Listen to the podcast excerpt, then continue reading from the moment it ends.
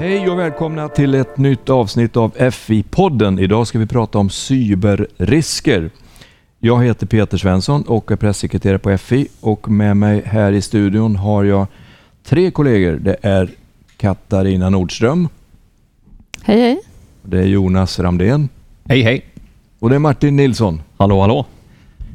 Eh, ja, ni får presentera er lite närmare vilka ni är och vad ni jobbar med. Katarina?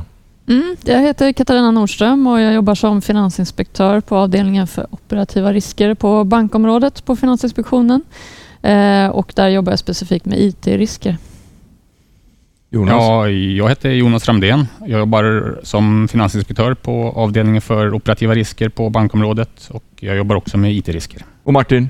Ja, jag heter Martin Nilsson, jobbar på, också på avdelningen för operativa risker på FI och eh, mitt fokus är eh, framförallt betalrisker och betalområdet. Okej, ja, vi, vi, vi kan väl börja med att förklara själva begreppet cyberrisker. Vad är det? Ja, när vi pratar om cyberrisker så menar vi alltså risker som uppkommer när data överförs via kommunikationsnätverk. Ehm, och eh, själva risken som kan uppstå är ju då att man inte lyckas bevara det som kallas för riktigheten i datan eller att säkra tillgången till den. Att man inte lyckas skydda datan helt enkelt.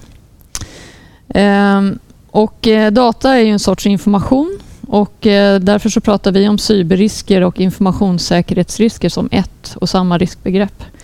Eh, idag kommer vi prata om det vi kallar för IKT-risker. Det är alltså informations och kommunikationsteknikrisker. Eh, det är då både yttre hot men sen även hur företagen själva säkrar en god tillgång till sin IT-miljö. Mm, IKT-risker alltså. Eh, ge något exempel på vad det är för risker vi pratar om. Ja, alltså många finansiella tjänster eh, fyller ju samhällsviktiga funktioner och om det uppstår störningar i de här tjänsterna eh, och eh, människor inte har tillgång till dem så kan det få en väldigt stor eh, negativ effekt på finansmarknaden. Ett exempel skulle till exempel kunna vara störningar i betalsystemet. Det får ju en väldigt stor konsekvens för konsumenter. Eh, nästan alla betalningar sker ju numera digitalt. Det är nästan svårt att hitta alternativa betalningsmetoder. Ett annat exempel är ju att eh, i många finansiella tjänster så finns det väldigt mycket information och den behöver ju skyddas så att den inte stjäls eller förstörs. Sen är det ju så att om det är eh, återkommande avbrott i de här tjänsterna så skadar det förtroendet för hela det finansiella systemet och eh, då kan det innebära att det hotar hela den finansiella stabiliteten. Och Det låter som, ett, som att det skulle kunna vara ett stort problem alltså? Är det så?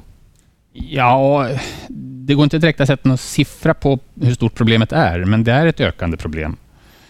Eh, det är också viktigt att eh, ta med sig att riskerna inom det här området förstärks av andra trender. Till exempel en ökad benägen hos de finansiella företagen att lägga ut verksamhet till andra aktörer. Det vill säga att beroendet till andra aktörer ökar och uppkoppling mot andra aktörer ökar. Och detta skapar ju en väldigt eh, komplex miljö för företagen och det blir väldigt svårt att få en bra överblick över, hur hela IT, eh, över hela IT-miljöns sårbarheter. Det har ju också inom vissa områden skett en konsolidering på marknaden. Vissa tjänster levereras av ett fåtal aktörer, vilket skapar koncentrationsrisker. Det vill säga, om en aktör drabbas av en störning kan det få konsekvenser för väldigt många andra aktörer. Vad är det som kan hända då om, om något går fel? Ja, om en central aktör eh, får problem med sin, eh, sin leverans och flera företag, finansiella företag nyttjar samma aktör så kan vi få stora störningar i det finansiella systemet. Risklandskapet för IKT-risker är alltså en kombination av olika risker som vi ser är ökande risker och behöver en hög fokus, både från oss som myndighet och från aktörerna på marknaden. Företagen måste arbeta aktivt med hantering av de här riskerna och deras motståndskraft måste kontinuerligt förbättras. Det ökande risker, säger det är alltså no någonting som har ökat på senare tid? Alltså. Ja, det kan man ju säga. För att på senare tid så har ju, som Katarina sa, eh, de här... Det är svårare att göra kontantbetalningar, så allting blir mer och mer digitalt. Så tekniken har gjort att det blir svårare och svårare och mer sårbart? egentligen? Det blir mer och mer sårbart, absolut. Mm. Katarina, du var ju med i en tidigare FI-podd som handlade om outsourcing eller utlagd verksamhet som vi säger på svenska. Då. Hänger det ihop på något vis med det som vi pratar om idag nu?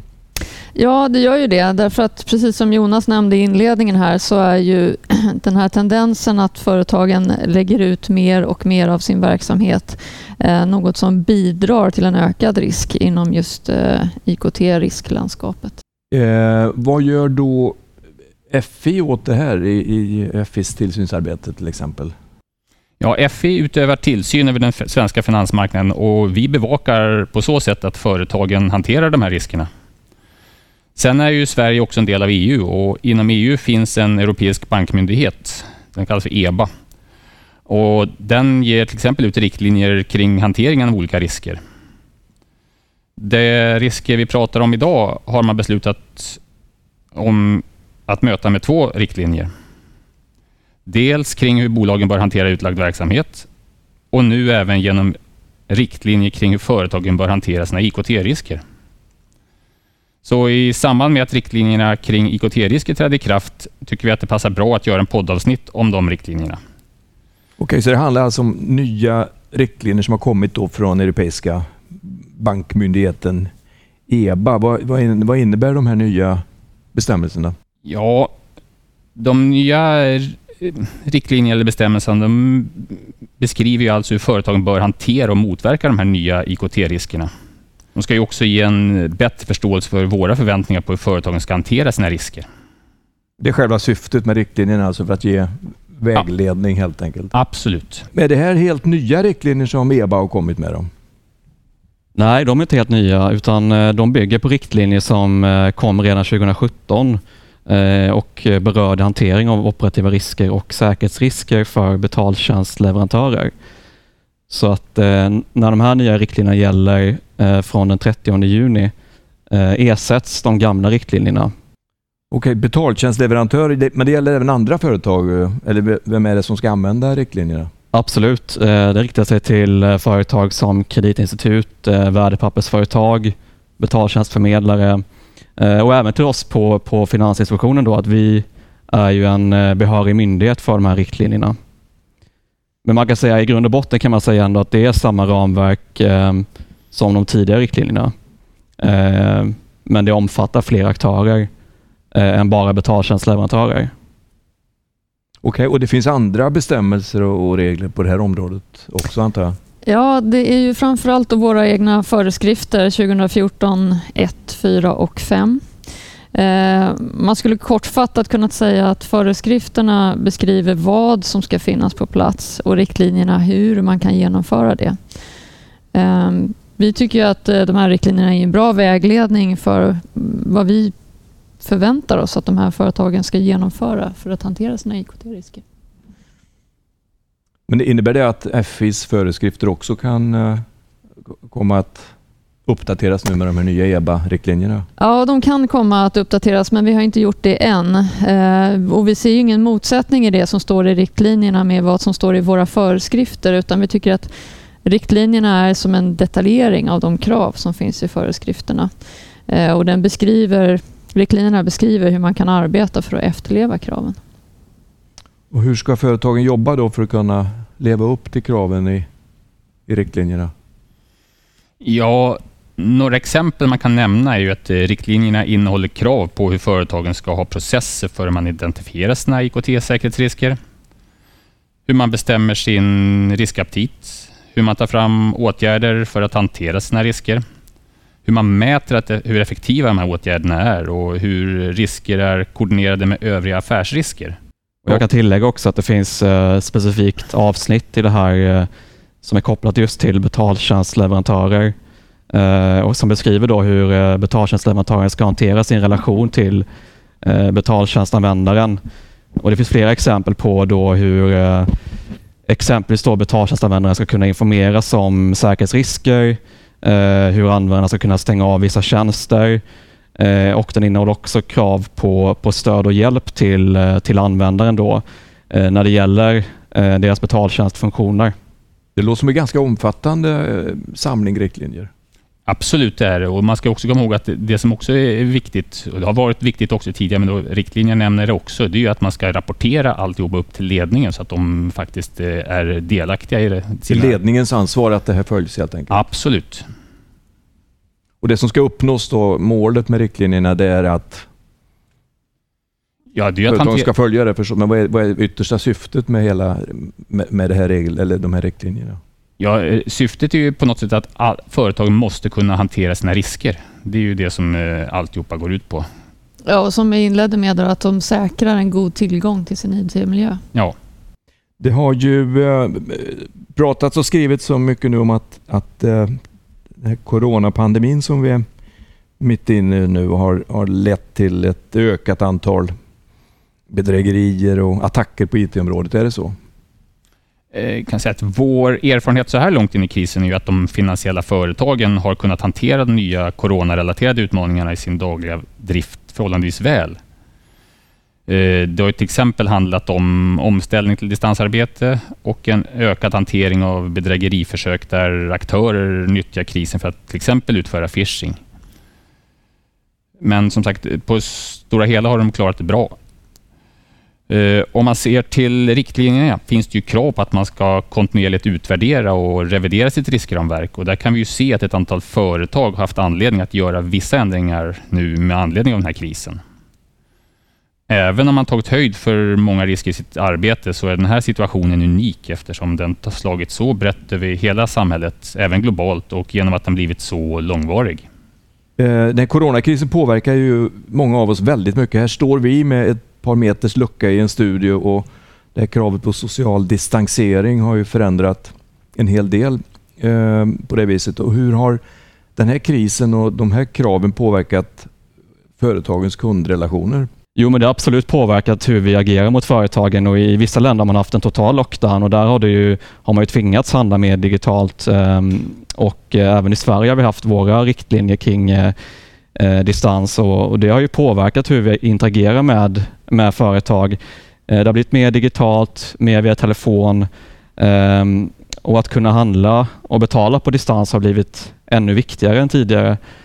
Och Vi kan väl också tänka oss att vissa nya kundgrupper som tidigare kanske har interagerat mer fysiskt kanske nu har tvingats agera mer i en digital kontext. Så att, ehm, men, som Jonas nämnde här innan så har vi ändå uppfattat den här omställningen, att den har fungerat relativt bra i Sverige. Eh, men det har ju därmed också blivit viktigare att eh, finanssektorn är motståndskraftig mot IT-störningar.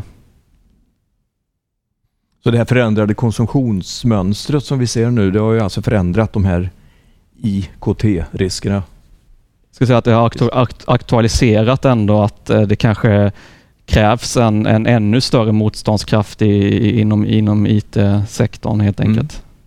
Om, om eh, den som jobbar i ett företag, eh, ett finansiellt företag med, med de här frågorna, hur, eh, hur ska han eller hon tänka för att kunna följa riktlinjerna på bästa sätt?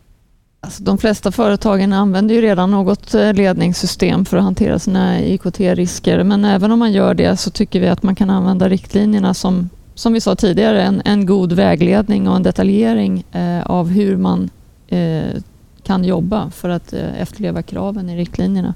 Och det är ju då eh, Själva syftet är ju att säkra en, en god tillgång till eh, IT-miljön och att eh, säkerställa stabilitet. Mm. Och hur jobbar FI mer konkret för att följa hur företagen arbetar för att leva upp till kraven? Ja, vi jobbar ju med eh, tillsyn av de finansiella företagen och eh, genom både löpande tillsyn och via undersökningar så eh, bevakar vi ju att företagen hanterar de här riskerna helt enkelt. Eh, följer EBA också hur företagen hanterar de här riskerna? Nej, EBA följer eh, oss kan vi säga. De tittar på att vi gör vårt jobb och sen ger de ut riktlinjer. Eh, EBA har ju också i den här coronamiljön som vi har nu kommit med ett yttrande som man kom med den 22 april och det handlar om eh, företagens motståndskraft. Och det listar bland annat ett antal aktiviteter som man uppmanar bolagen att fokusera extra mycket på just nu i sin krishantering. Och EBAs syfte är ju också att se till att säkerställa en, en eh, samstämmighet mellan hur de olika myndigheterna i Europa arbetar på samma sätt. Jaha, och där är vår tid ute för den här gången. Eh, om du vill veta mer och, och, om och läsa mer om de här riktlinjerna så kan du gå in på FIs webbplats eh, och gå in på fi.se IKT. Och tack alla tre, Katarina, Jonas och Martin. Tack för bra information i en viktig fråga. Och tack till dig som har lyssnat. Hej då!